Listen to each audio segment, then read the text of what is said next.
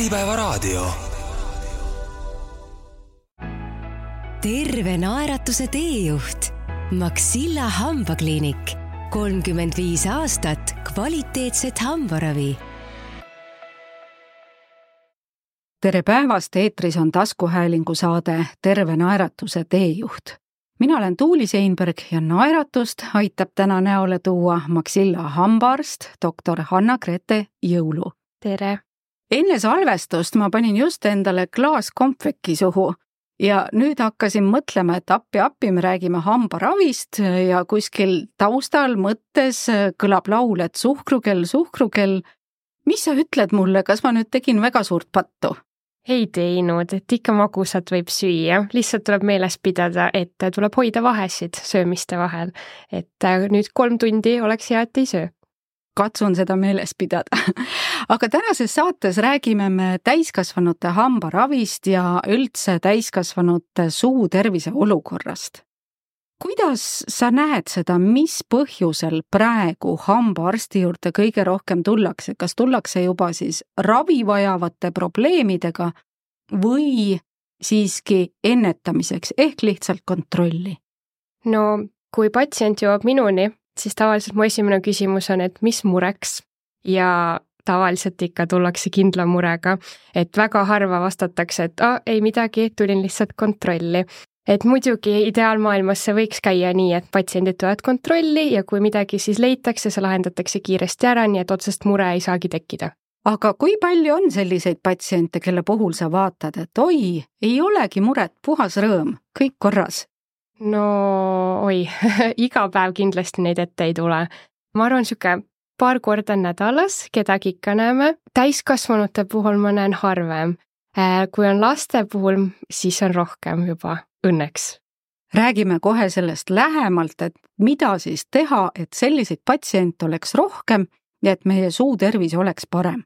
aga kõigepealt natukene nendest hirmudest ja häbist, mis ka hambaarstil käiguga seonduvad.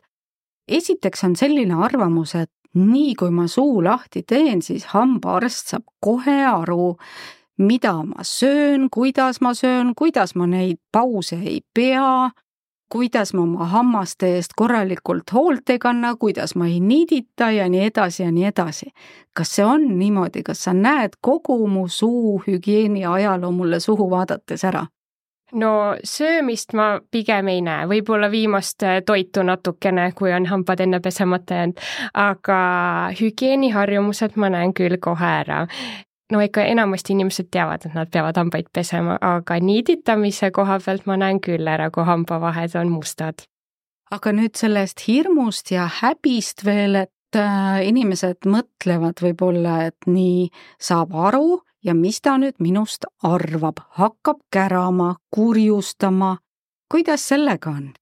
no ega muud eesmärki ei ole kurjustada, see on ikkagi ju paremaks teha ja motiveerida meil on ühine eesmärk saada suu korda, hirmu muidugi tuntakse. ja kas see nüüd on sellest, et on olnud halb kogemus või teised on rääkinud, aga ma ei tea, tänapäeval on väga arenenud see hambaravi ja äh, arstid on väga sõbralikud, nii et mul on tekkinud just teooria, et inimesed kardavad, sest nad kaotavad kontrolli olukorra üle. ja kui nad seal istuvad, siis on väga raske olla suu lahti ja midagi ise teha ei saa see on väga ebamugav olukord. nii et siin mul on soovitus tegelikult leida endale hambaarst, kes sobib ka isiksusena. Ja kui tekib niisugune hea side, siis ka hirm kaob. See on väga hea soovitus, ma just tahtsin nende hirmude kohta täpsemalt küsida, aga sa juba ennetavalt võtsid kõik hirmud maha ja noh, tegelikult küll, et nii nagu meil on ju ma ei tea, võib-olla naistel juuksur, kes sobib, äh, kosmeetik, kes sobib, paljude elualade esindajad, kellega me regulaarselt suhtleme, me valime siis sellise sobiva isiksuse, et samamoodi hambaarst. ja, ja valikut on ja mm. inimesi on nii palju erinevaid ja arste on ka erinevaid seda on rõõm teada ja Maxilla kliinikutes, kuna see on kett, on neid valikuid veel eriti mõnusalt võtta aga nüüd nende haiguste juurde tulles, et äh, mis on siis kõige levinumad tegelikult suu, igeme, hambahaigused, mida sa näed praegu? no tegelikult ongi kaks haigust, on hambakaaries ehk need augud ja siis nendest tekkinud komplikatsioonid, kas siis juurepõletikud või siis teine variant on igemehaigused, need ongi põhilised. Kuidas see proportsioon on, et kumb on rohkem, kas ikkagi nagu augud kipuvad tulema või siis äh, igemeprobleemid? mõnel inimesel on mõlemad, kui on ikka hügieen halb, siis on mõlemad probleemid suus olemas. et ei saa praegu täpselt niimoodi öelda, et kumba on rohkem ja kumba vähem aga teadlikkuse koha pealt, kas see teadlikkus nendest kahest suurest siis probleemistikust on kasvanud või on pigem samamoodi, et äh, kes hoolitsevad, need teavad, need käivad regulaarselt, aga kuskil on ikkagi selline hulk inimesi, kes veel piisavalt ei tea nendest komplikatsioonidest ja sellest kaskaadist, mis võib järgneda siis kas või halvale suuhügieenile? no ma arvan, et teadlikkust on juba üsna palju, aga harjumused ei ole kujunenud nii, nagu peaks. Et äh, inimesed ikka teavad, et kui sa ei pese hambaid, siis tekivad augud et niiditama peaks, aga see niiditamise ettevõtmine on ju keeruline. aga teadlikkusest veel, et lastele praegu tehakse väga suurt ennetustööd, et on suukooli projekt, käiakse koolides ja lasteaedades rääkimas ja proovitaksegi seda harjumust kujundada hästi varakult, et siis, kui nemad jõuavad juba täiskasvanu ikka, siis äh, neil oleks vähem auke ja pigem probleeme. Aga võtame samm-sammult ette siis näiteks kaariase ja selle ennetamise põhitõed. kuidas siis oma hammaste eest hoolitseda niimoodi, et seda auku üldse ei tulekski? no alustame siis hügieenist, et kõige tähtsam on hammaste pesu kaks korda päevas, kaks minutit korraga ja tähtis on ka kasutada niiti kord päevas, äh, ideaalselt õhtul enne pesu. kui minna nüüd toitumise juurde, siis on tähtis hoida pause. Et kui sööte, siis kolm tundi ei söö. ja janujoogiks on vesi, mitte mahl või morss või karastusjoogid. ja väga tähtis asi on ka käia regulaarselt hambaarsti juures, et leida üles need väiksed augud, mida äkki saab veel peatada või siis, kui on juba vaja ravida, saame kiirelt ära ravida. ma hakkan nüüd küsima, miks küsimusi et mhm. miks kaks korda päevas just? Ja teine asi, millal, kas hommikul näiteks enne sööki või pärast sööki, siin on ka mitu koolkonda ju. No kaks korda päevas sellepärast, et seda kattu kontrolli all hoida, et kahest korrast piisab. Ja täpselt, et enne magama minekut siis on pikk paus, kus hambad saavad puhata terve öö, nii et keegi neid ei sega. Kui võtta nüüd hommikune pesu, siis äh, jah, võib teha mõlemat moodi, aga siin peab meeles pidama seda, et kui pesta pärast sööki, siis seal peab olema vahel kolmkümmend minutit, sest pärast sööki toimub happerünnak, email on justkui nagu pehmem ja siis harjamine võib seda hoopis kahjustada. nii et tavaliselt hommikul on väga kiire, siis kui oodata veel kolmkümmend minutit, siis ununeb üldse ära, nii et ma soovitan pigem ärgata üles, pesta kohe hambad ära ja minna oma päevaga edasi. Aga küsimus on ka see, et äh, osad inimesed üritavad sedasama skeemi nüüd, mis sa kirjeldasid, ära petta sellega, et söön ja siis loputan veega hoolega oma hambaid. kas see nagu päästab selle, selle happerünnaku ja selle emaili hapraks muutumise eest või ikkagi see kolmkümmend minutit ooteaega kehtib? no loputamine natuke ikka aitab, aga kolmkümmend minutit kehtib ikka. ega ei loputa ära seda kõike, see hapet sealt suust ja seedimisprotsess jätkub, kui on ju toiduosakesed suus, siis süljega ikkagi need hakkavad seedima seal juba, et neid ära ei loputa lihtsalt.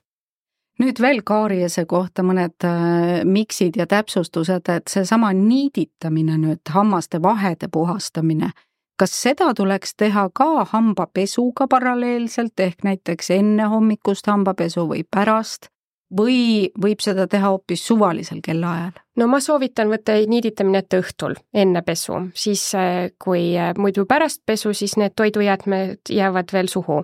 või noh, siis võib-olla piisab loputamisest ka, aga kindel saab olla siis, kui niiditate ära ja siis pesete üle ja siis ongi korras päevaste söömiste puhul on üsna tavaline see, et mingit tahkemat sellist äh, toitu süües jäävad ka hammaste vahele toiduosakesed ja see on üsna ebameeldiv tunne ka, enamik inimesi üritab siis käepäraste vahenditega ikkagi nendest vabaneda ja, ja paraku mõnikord on äh, nähtud ka pilti, kuidas see käepärane vahend on kahvliots või, või mis iganes asi mis on sinu kui hambaarsti soovitus nüüd äh, sellisel puhul? Oi, neid ma olen pealt ka näinud ma soovitan siis hoida väikest niidirullikest äh, kotis, just hambaniidirullikest, mitte siis tavalist niiti. et äh, need teised asjad, kui juba hambaork, mis on tegelikult toidukohtades laua peal, võib lõpuks teha rohkem igemele kahju kui kasu, et sellega on nii kerge vigastada ennast. et niit on selles osas kõige parem abimees veel üks vahend, mida kasutatakse, siis on suuveed, et väidetavalt nendega loputamine arvatakse, et aitab ka sellist kaariese levikut kuidagi pidurdada või ennetada.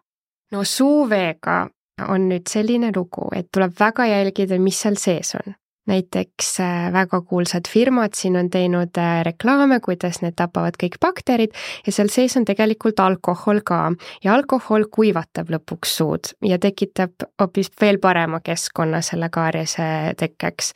et tuleb kindlasti, kui on soov kasutada suuvett, siis äh, vaadata, et see on alkoholivaba. suuvesi on nüüd selline asi, et see ei ole nüüd nii tähtis niit ja hari on kõige tähtsamad. suuvesi on niisugune soovi korral võib, aga siis jälgida ja et mis seal sees on. või kui hambaarst ise välja kirjutab, on ka ravivad suuveed, siis äh, neid tuleb kasutada nii, nagu arst ütleb. et ikkagi selline ravi ja lihtsalt äh, enese rahustamine on kaks eri asja siin nüüd, äh, kuna sa mainisid juba seda happerünnakut, mis pärast söömist siis toimub ja mis äh, hambaid mõjutab, siis kunagi reklaamiti hästi palju selliseid äh, närimiskumme, mis väidetavalt seda happesust kuidagi reguleerivad ja soovitati, et pärast sööki neid süüa, et see aitab ka kuidagi seda suu tervist siis säilitada rohkem kas see on müüt või on ikkagi selliseid närimiskumme, mis tõepoolest sellist toimet omavad? jaa, nätsud on ikka no pigem kasulikud kui kahjulikud, aga ma soovitaksin jälgida jälle koostisosi, noh, suhkruvaba näts on kõigile selge, aga nüüd kõige paremad nätsud on näiteks jenkinäts, kus sees on ksülitool või sarnased, tavaliselt ongi Soome tootjad on nende ksülitooli taga. et ksülitol on siis selline suhkur, mis on lõpuks kaariase bakterile kurnavam söök ja ta võib ennast lausa seedides ära tappa. ja ksülitoli nätsud on nüüd tõesti sellised, mis aitavad kaariase vastu võidelda. et neid närida, siis on tõesti kasulik. ja siis pärast sööki? jah mm. -hmm. ja mitte liiga kaua, seal jenkinätsudes on kurdetud, et oi, maitse kaob nii ruttu ära, tegelikult see on põhjusega nii, et äh, inimesed ei jääks seda liiga kaua närima, sest äh, liiges tahab ka puhata, muidu lõpuks on liiga suur koormus liigesele. tasakaal ja mõõdukus Just. kõiges, eks Just. ole. nüüd äh, hammaste harjamisest ma tahan veel teada seda, et kas hambaid saab üldse ka valesti harjata? ikka saab meil on ka selliseid patsiente, kes tulevad väga tundlike hammastega ja kui me vaatame suhu, siis hügieen on tegelikult hea, aga on tekkinud kulumiskohad ja ige on taandunud, sest on liiga tublisti harjatud. kas on võib-olla kasutatud ka liiga tugevat hambaharja või on enda käsi liiga tugev, et siis justkui nühitakse see esimene kiht endalt pealt ära ja siis on uus probleem, auke pole, aga on selline kunstlik auk tekitatud, mida tuleb ikka katta täidisega aga kuidas siis on õige, et äh, kas tuleks valida hambaharja puhul siis äh, alati see pehme hambahari, kas elektriline või tavaline või mille järgi üldse otsustada, et mis nüüd mulle sobib siis? ja, ja kui palju noh, et hea küll, et kaks minutit on ju, nagu sa alguses ütlesid, et sellest rohkem ei harja, aga ka intensiivsus võib-olla, et äh, mis siis valida? Nendele tugevatele kätele ma soovitan ka elektrilist hambaharja, sest elektrilistel hambaharjadel on juba sees survetundlikkus, ehk siis hambaharja annab ise märku, millal liiga kõvasti juba vajutatakse. ka tegelikult mitte nii usinatele pesijatel on ka elektriline parem hambahari, sest äh, ta teeb ise töö su eest ära. kui tahta nüüd käsi hambaharja kasutada, siis kindlasti pehmet, mitte tugevat tugev juba võib pigemeid ka vigastada. kui pesta nüüd äh, hambaid, siis tuleb jälgida seda, et hambahari oleks nelikümmend viis kraadi igemääre poole, et äh, ka sealt saaks puhtaks, et ei hõõru lihtsalt sirgelt sealt, kust paistab ja siis tegelikult igemääred on mustad. ja harjamine peaks toimuma ikkagi vasakult paremale, et ei pea tegema ringitamisi või üles-alla, üles-alla võib isegi vigastada jälle iget natukene rohkem väga hea, ma usun, et nüüd sellise hambahoolduse põhitõed said kõik üle korratud ja vaatame oma rutiinid üle, teeme korrektuure. aga igemehaigustest rääkides, kas needsamad asjad, mis sa siin juba välja tõid, pädevad ka igemehaiguste ennetuses või on siin veel midagi lisanduvat? tegelikult on kõik needsamad asjad, pesemine ja niiditamine. ja niiditades tuleb jälgida, et kõikidesse hambavahedesse minna kaks korda kõigepealt mööda ühte hambaäärt ja siis mööda teist ja kahe hamba vahel on papillike ja käia ka seal vahekeses ära, et saada toidujäätmed sealt taskust kätte.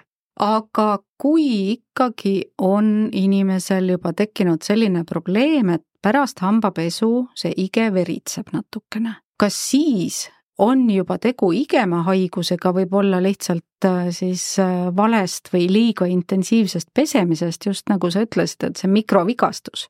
ige tegelikult, kui ta on terve, ta veritsema ei hakka.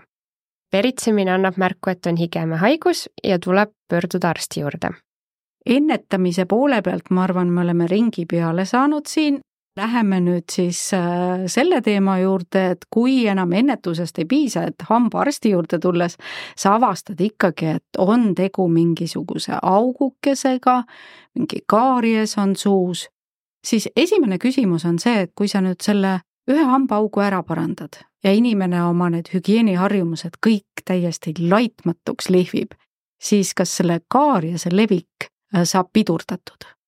jaa, ikka saab muidugi, kas nüüd esimese korraga kõik, et me teeme selle ühe augu korda, aktiivne kaaries on ikkagi suus olnud, siis äh, ma ei saa garanteerida, et kohe järgmisel korral, kui tullakse, et siis on juba ja hügieen on ideaalne, et siis ei ole auke. mõned augud on nii väiksed ja tõesti hammaste vahel, et me esialgu ei näe neid. pildi pealt ka välja ei tule ja näiteks nad ongi selles esimeses kihis, emailis, kus saab veel peatada siis äh, kui hügieen on hea, need peatuvad, me ei tea veel, kas nad võib-olla ikkagi areneb edasi, siis ikkagi mõne aja jooksul võib me veel leida äh, uusi auke. aga kui edaspidi ka hoida ilusat, puhast suud, kõik on tehtud nii, nagu peab, siis äh, on küll võimalik, et me peatame kõik suus aga mis see periood võiks olla, et näiteks kui on olnud kaaries, on ravitud, et kas on mingisugune konkreetne aeg, mille puhul siis jälgida tähelepanelikumalt ja tulla järelkontrolli.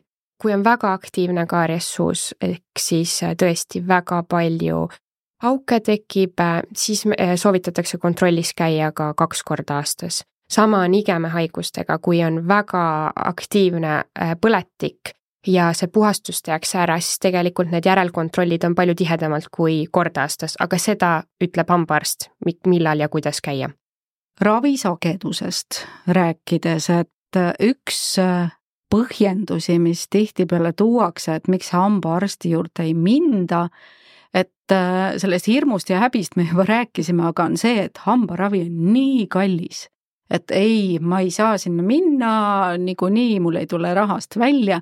meil on hambaravihüvitised ja, ja veel igasuguseid võimalusi ju, kuidas, kuidas seda niimoodi leevendada kuidas sellega on, et kas hambaravihüvitisest selliseks regulaarseks kontrolliks piisab?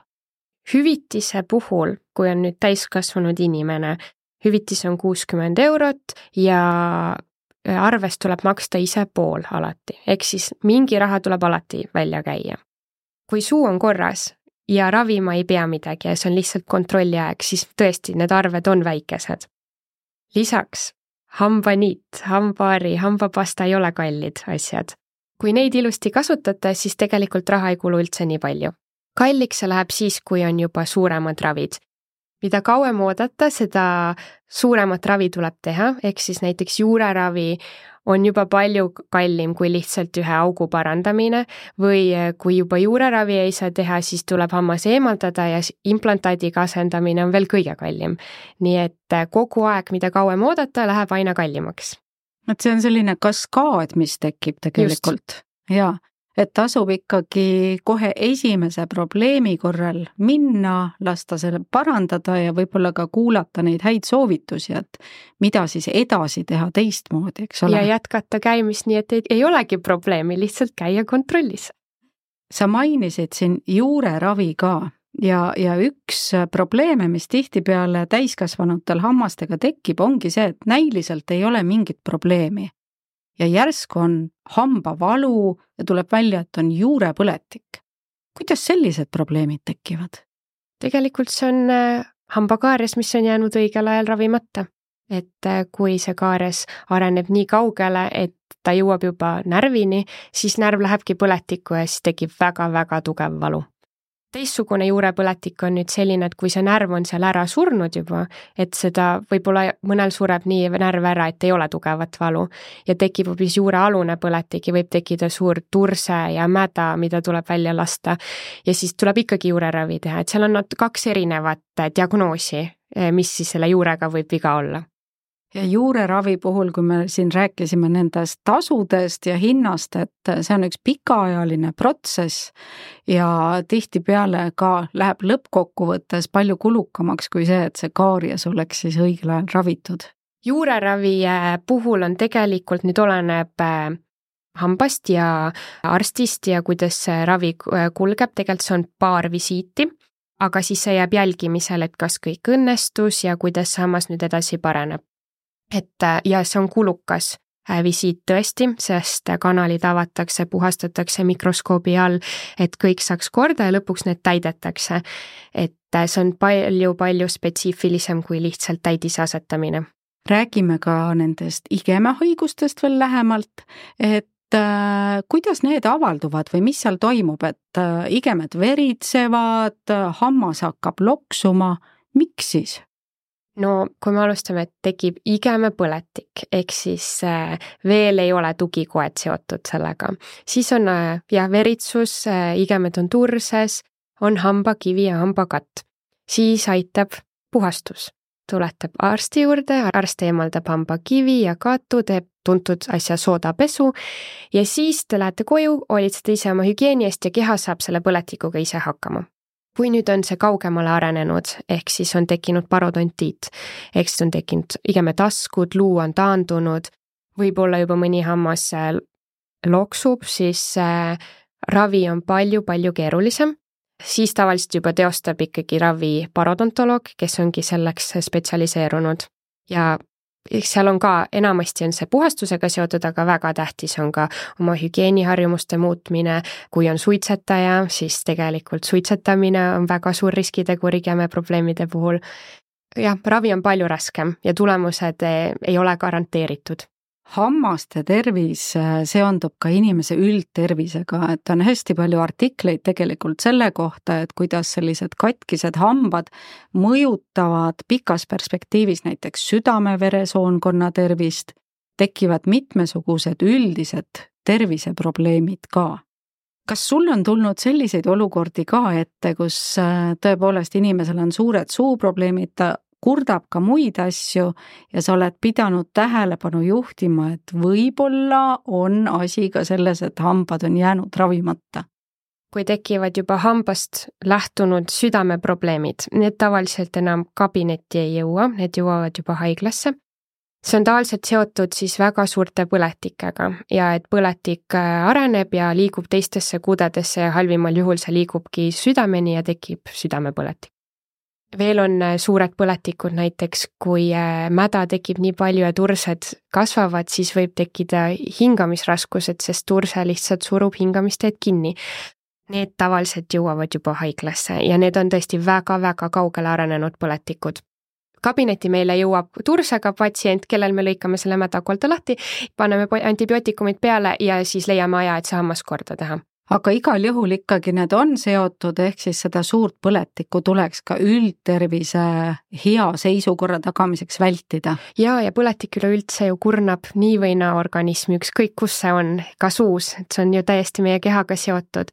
et mul on üks kogemus, kus üks patsient käis mul juureravis ja tal oli väga suur põletik, mitte küll mädane, aga kui me ravisime ära, ta ütles, et teate, mul kadus väsimus ära, et on aastaid olnud väsinud ja nüüd järsku ei ole ja ta arvab, et see on seotud hambaga. muidugi, kuidas me seda tõestame, aga ma arvan ka, et see võis sellega seotud olla et ikkagi nagu üldtervis, selline terviklik inimene, üks kild saab korda, mis oli võib-olla natukene nihkes või nõrgestas organismi, siis terve organism saab oma täisenergia tagasi. jaa, no kui ma veel võin veel rääkida, kuidas need kõik seotud on, siis äh, näiteks äh, sama igemehaigused äh, ja diabeet on väga seotud ja see on niisugune nõiaring, et üks toidab teist ja diabeetikutel on väga tähtis hoida oma igemed korras neil on niikuinii suurem risk saada see igemepõletik, aga siis on vaja ka palju rohkem hambaarsti juures käia seal puhastuses.